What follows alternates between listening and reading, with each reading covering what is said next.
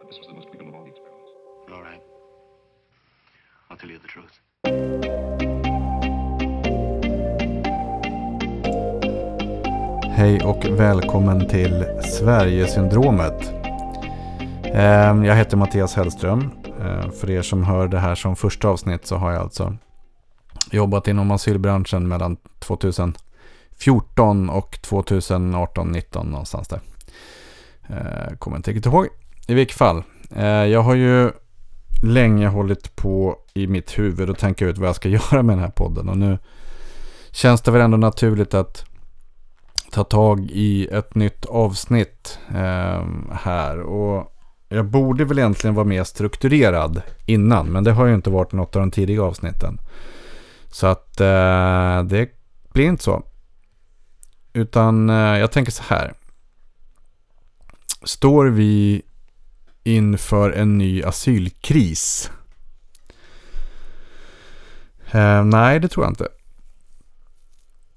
Och anledningen till att jag säger det, det, det är ur ett driftsperspektiv och ur ett någon typ av landsperspektiv eh, med, med grund i hur jag upplevde den asylkrisen som vi pratar om eller som vi, vi hänvisar till när vi, eh, alltså 2015.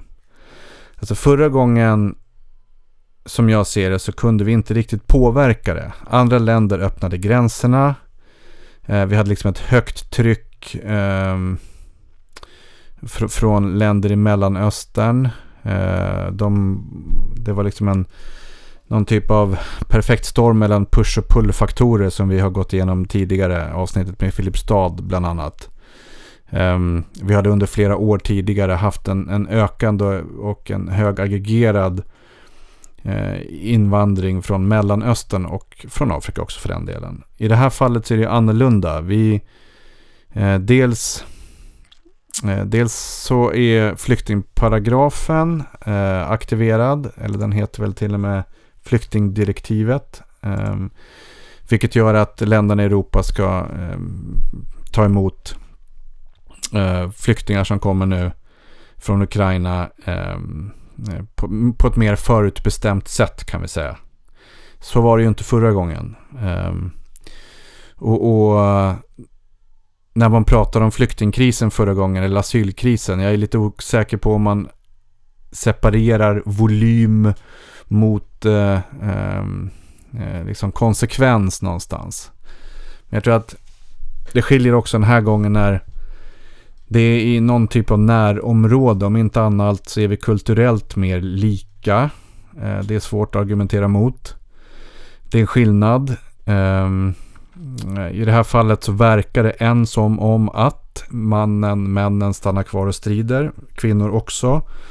För övrigt. Men, men om vi tar den större volymen. Medan kvinnor, barn, pensionärer eh, är på väg att eh, liksom söka skydd utanför Ukrainas gränser. En annan skillnad är att den ekonomiska migrationen i det här fallet är minimal. Eh, och ja, eh, den existerade i god omfattning både åren innan 2015 och den perioden runt där. Ehm, och, att jag kan säga det är för att jag har som ni som har följt mig liksom pratat med ett mycket, mycket stor mängd asylsökande. Så att jag har en god, en god bild av läget baserad på egen erfarenhet. Eh, så att det är skillnad. Eh, blir den lång? Eh, det kan man inte svara på det här läget. Ehm, mina tankar här går vi runt att man, målet nu tror jag, eh, en känsla av att man behöver komma i säkerhet och sen vill man återvända till sitt hemland i större utsträckning. Um, en period av säkerhet och sen så givet stabilisering vill man tillbaka och sådär. Um, nu vet vi ju inte vad som kommer att hända. Det här är ju tidigt i, eh, i, i det här eh, kriget mellan Ryssland och Ukraina då. Och vart det tar vägen vet vi ju inte. Um, är vi redo? Ja.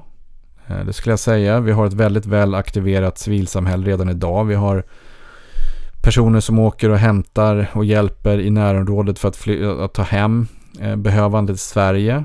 Eh, jag upplever efter att ha lyssnat runt lite att kommunerna är redo och kan ta en, en första våg så att säga. Man har förbereder sig och, och, och man ligger steget före den här gången.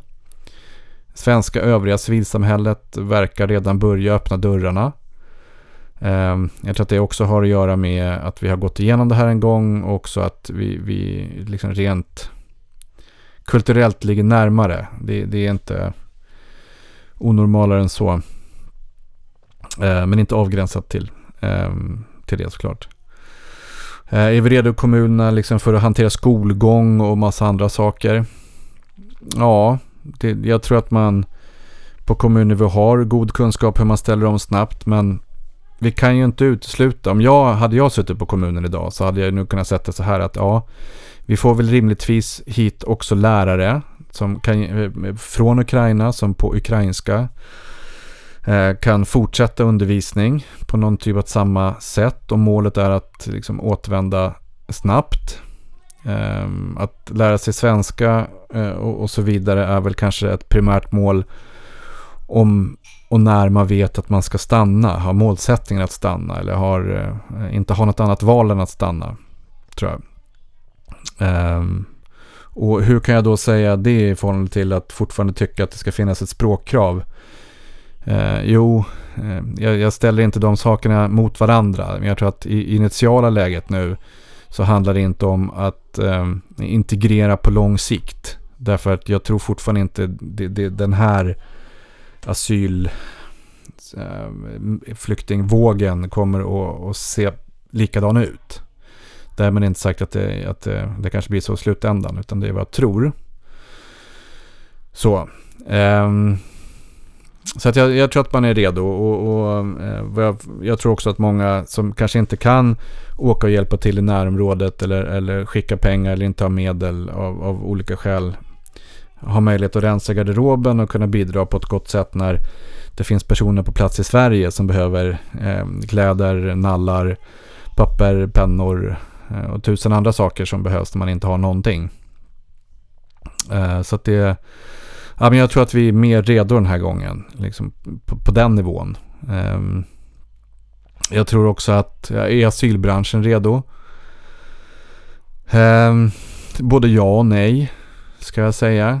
Um, återställningskostnader, oseriösa underleverantörer eh, om, om man har som fastighetsägare lett ut driften har gjort att man kanske gått i konkurs, eh, tagit stora, liksom stora förluster eller helt enkelt tappat suget. Eh, vi har haft, som ni vet, enorma, enorm förstörelse eh, och slitage på anläggningar, vilket gjort att jag tror att många Eh, tänker efter flera gånger innan man kanske engagerar sig på den nivån igen som operatör.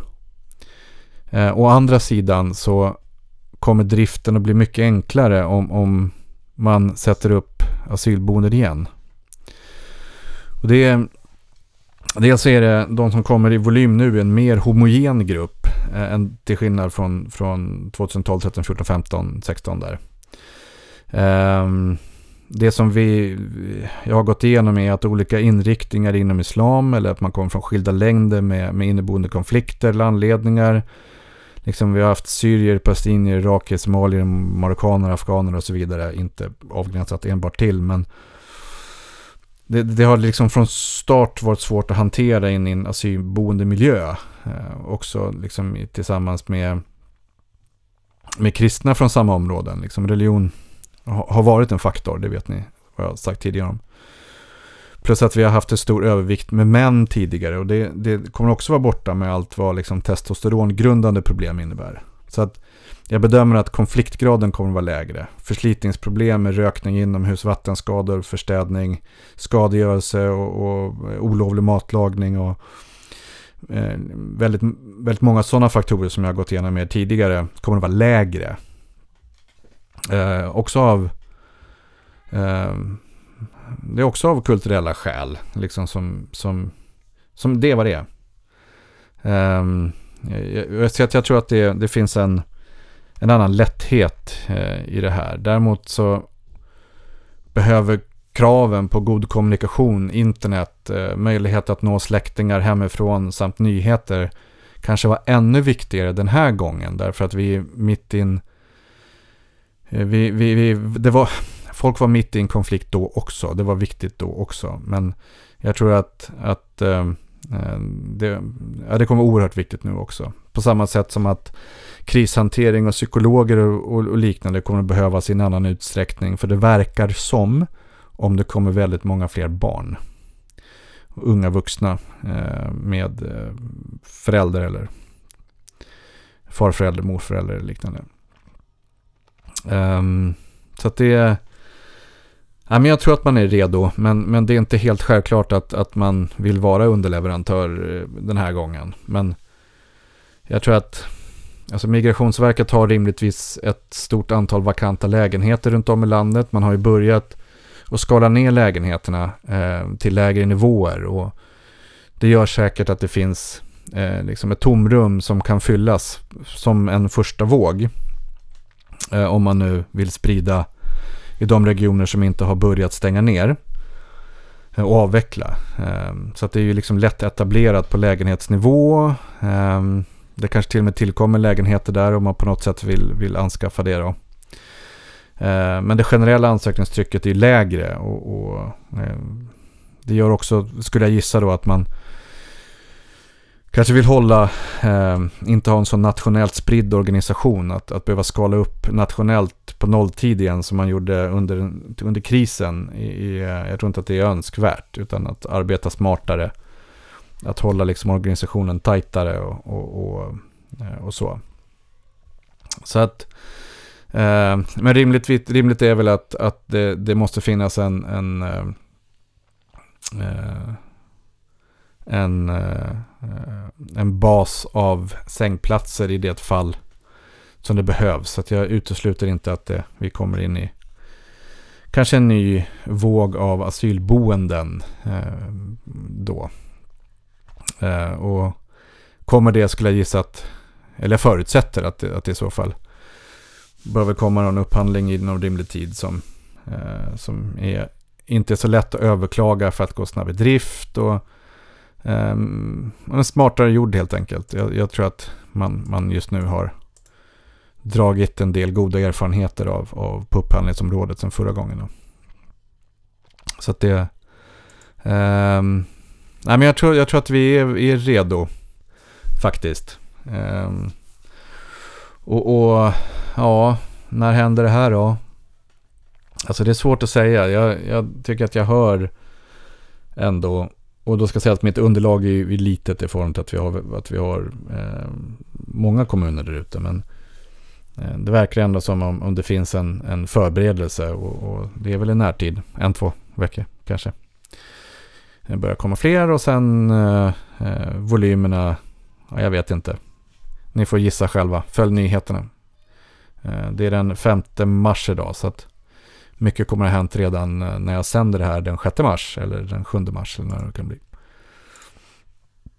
Um, ja, ska vi prata integration? Nej, inte idag. Känner jag.